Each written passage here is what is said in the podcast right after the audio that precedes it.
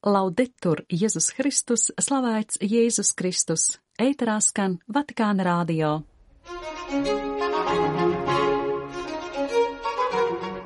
Esiet sveicināti, dārgie radioklausītāji! Paziņota vispasaules vecvecāku un senioru dienas tēma. Kāds ir mūsu ieguldījums harmoniskas pasaules veidošanā? Pāvests Francisks tiekas ar asociācijas skaistuma diakonija mākslinieku delegāciju no Francijas. Svētais tēvs aicina Brazīlijas katoļus stiprināt vienotību. Kristīgās rekolekcijas nav spa atpūtas dienas. Itālija un svētais krēsls pauž nemieru par situāciju pasaulē. 16. februāra raidījumu noklausīties aicina māsa Silvija Krilteža.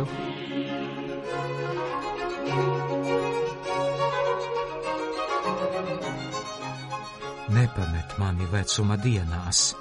Šādai tēmai būs veltīts pāvesta Franciska vēstījums 4. pasaules vecvecāku un senioru dienai, kas tiks atzīmēta 2024. gada 28. jūlijā. Lasām Lāju ģimenes un dzīvības dikastērija paziņojumā. Svētā tēva izvēlētā tēma liek mums aizdomāties, ka vientulība diemžēl ir rūkta pavadone tik daudzu vecāka gada gājuma cilvēku dzīvē, kuri bieži vien kļūst par atmešanas kultūras upuriem. Pasaules vecvecāku un senioru dienas tēma ir vārdi no 71. psalma, kurā gados vecs cilvēks lūdzas pārlapojot savas draudzības ar dievu lapuses. Novērtējot veco ļaužu harizmu un viņu ieguldījumu baznīcas dzīvē, pāvests mudina ticīgos iesaistīties draudzības saiknes stiprināšanā starp paudzēm un cīņā pret vientulību, apzinoties, ka, kā teikt svētajos rakstos, cilvēkam nav labi būt vienam. Pāvests Franciskas Vatikānā pieņēma jaunā Peru pilnvarotā vēstnieka pie svētā krēsla Luisa Juana Čukuāra Čila akreditācijas vēstules. Viņš dzimis 1953. gada 10. novembrī, ieguvis humanitāro zinātņu maģistra grādu Limas Katoļu universitātē, specializējies starptautiskajās attiecībās Peru diplomātiskajā akadēmijā un politiskajās zinātnēs Parīzes universitātē. Viņš bija Peru ārlietu ministra politiskais padomnieks. Ieņēmis augstus amatus prezidenta kancelejas, tieslietu un ārlietu ministrijās, diplomātiskajā akadēmijā un sabiedrības attīstības un dzīves bez narkotikām komisijā. Čukuāra Čils ir strādājis Peru vēstniecībā Francijā, veicis ģenerāla konsula pienākumus apvienotajā karalistē, bijis vēstnieks Beļģijā, Luksemburgā, Salvadorā, Belizā, Šveicē, Lihtenšteinā un Eiropas Savienībā Briselē. Bijis arī Peru vēstnieks un pastāvīgais pārstāvis Amerikas valstu organizācijā.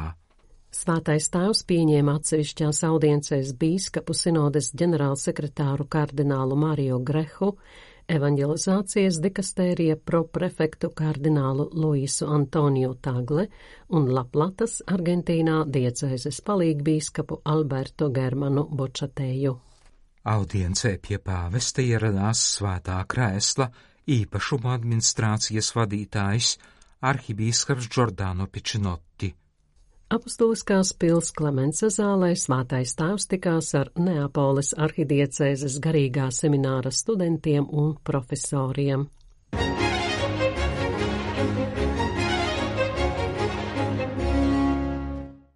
Piecpadsmitajā februārī pāvests pieņēma audiencē asociācijas skaistuma diakonija mākslinieku delegāciju no Francijas.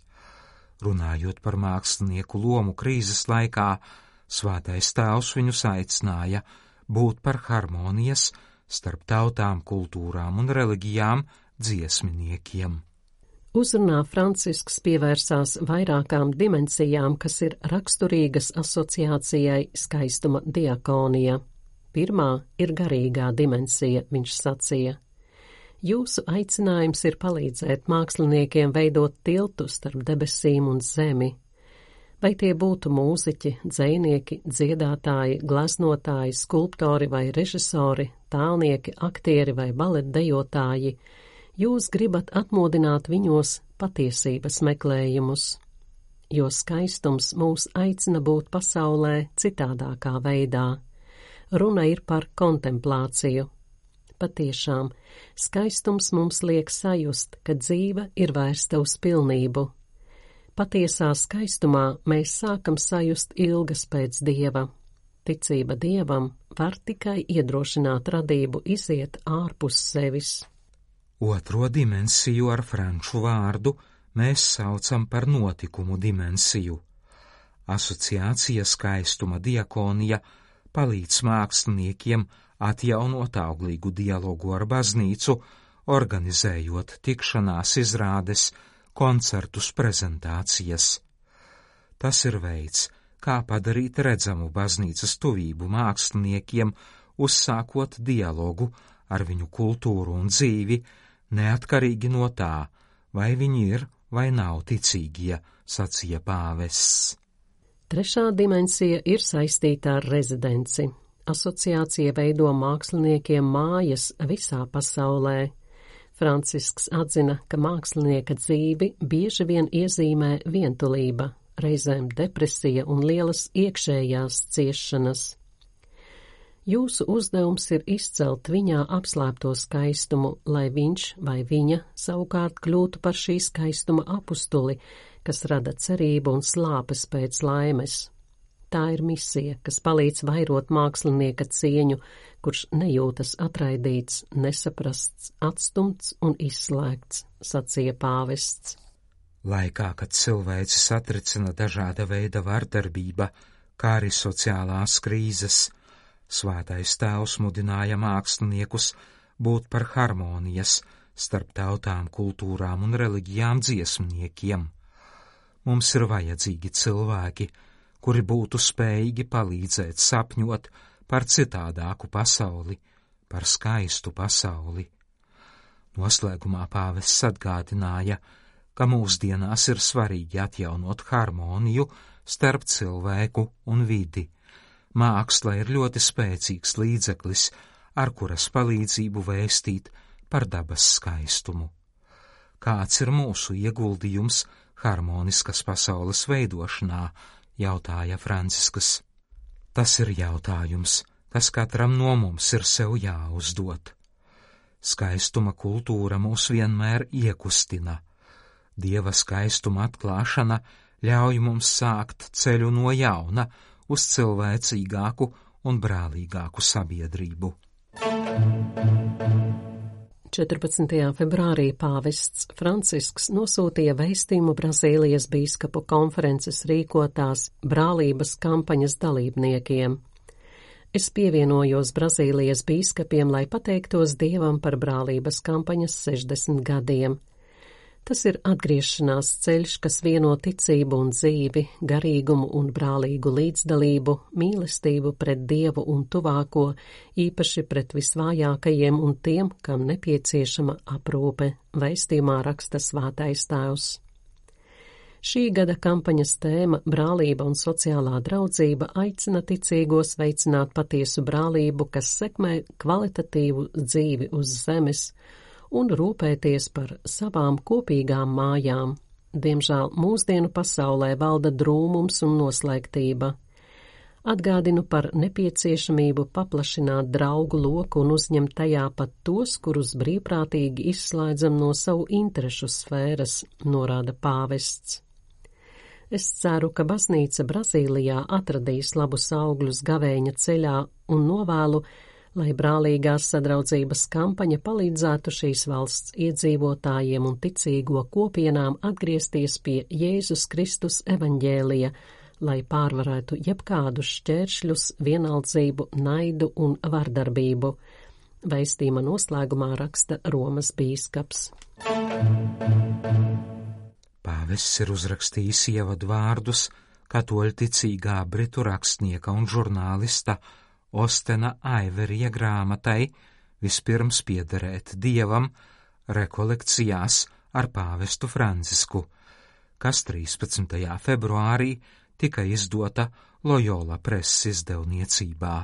Pateicoties savai dzīves pieredzei, Svētais Ignācijas no Loyolas ļoti skaidri saprata, ka katrs kristietis ir iesaistīts cīņā, kas iezīmē viņa dzīvi, raksta pāvests. Tā ir cīņa par to, lai pārvarētu kārdinājumu noslēgties sevī, lai tēva mīlestība varētu mūsos atrast vietu.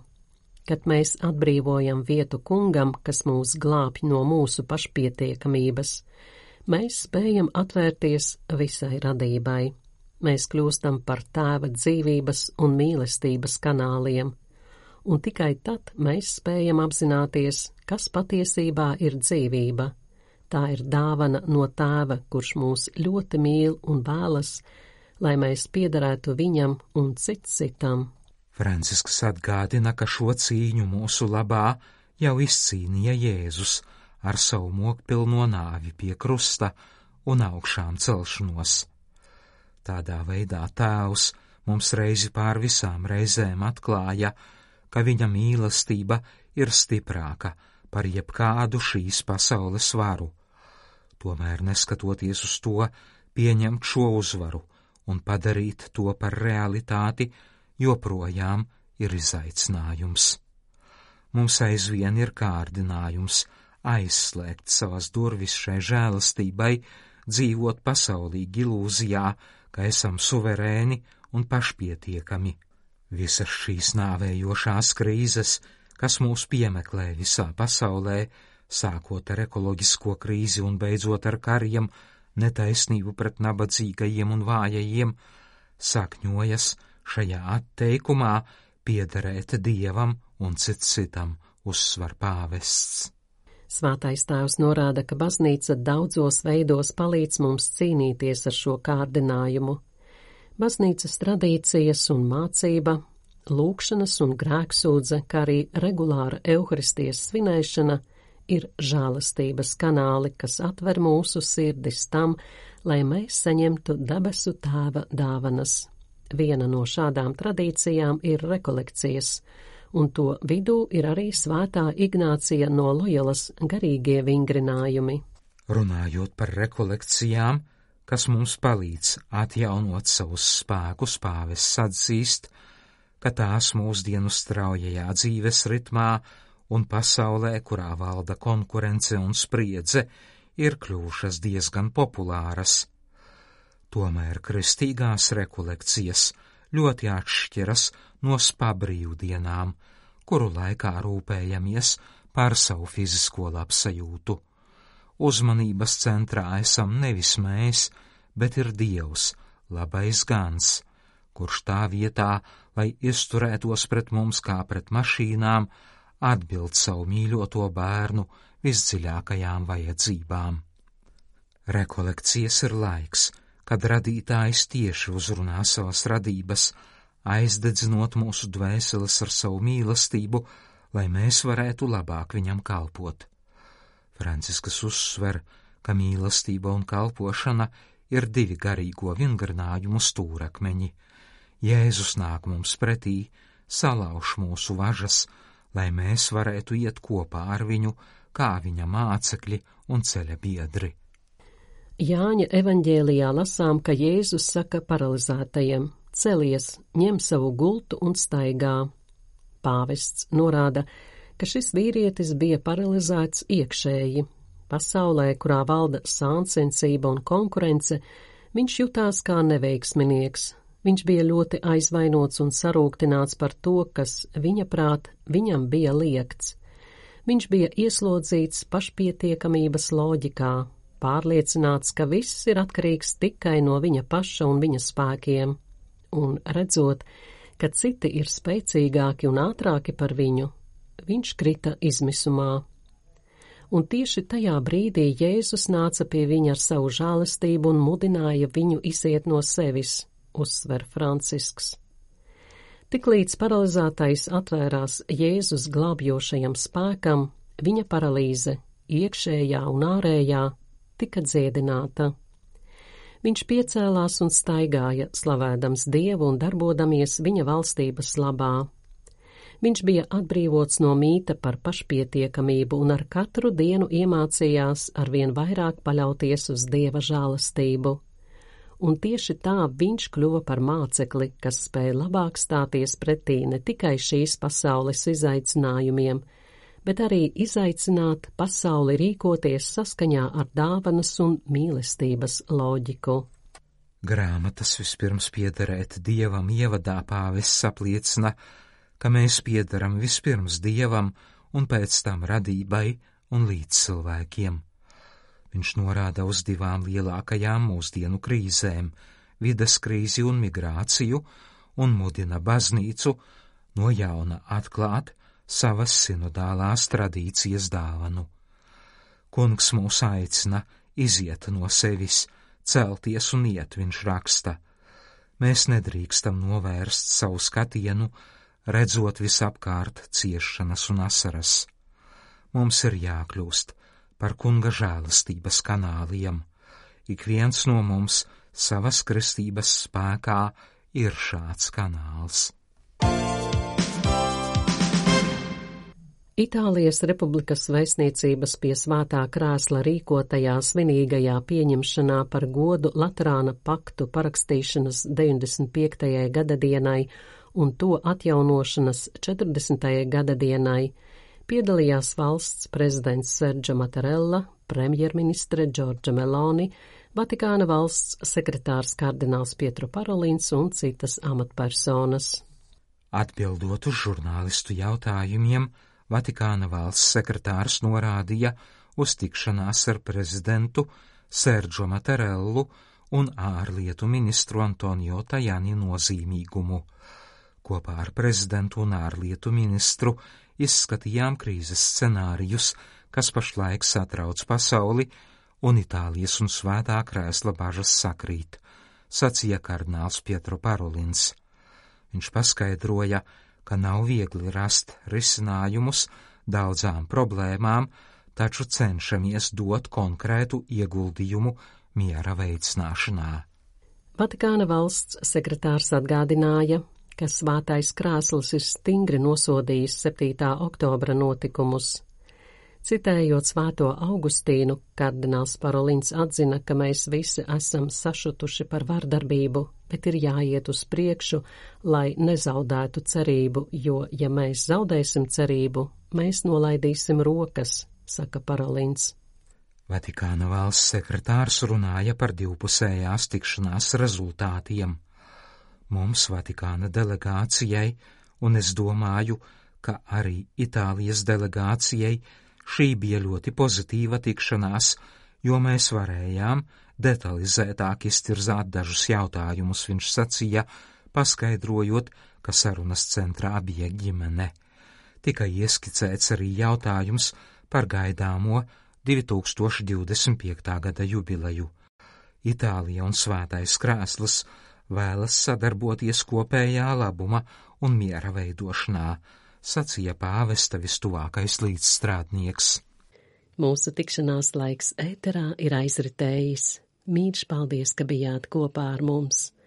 Vēlot patiesu prieku, mieru un saskaņu ģimenēs, no jums atvadāmies. Laudetur Jēzus Kristus!